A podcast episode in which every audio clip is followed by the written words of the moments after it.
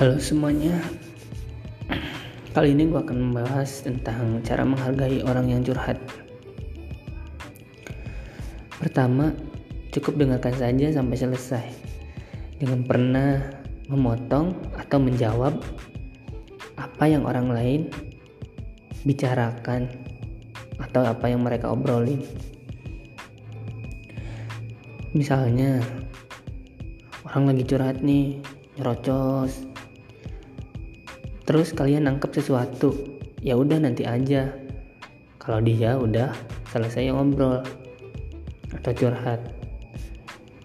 Soalnya kalau kalian potong takutnya nanti dia malah lupa tentang apa yang ingin mereka obrolin. Jadi curhatannya nggak selesai. Masalah pun nggak kelar deh. Yang kedua Jangan malah membanding-bandingkan masalah kalian dengan masalah yang lagi orang lain obrolin. Nah, menurut gue ini masalah yang paling sering keluar sih. Soalnya banyak banget temen gue kalau gue lagi curhat malah ah ya elah masalah segitu mah gak ada apa-apanya.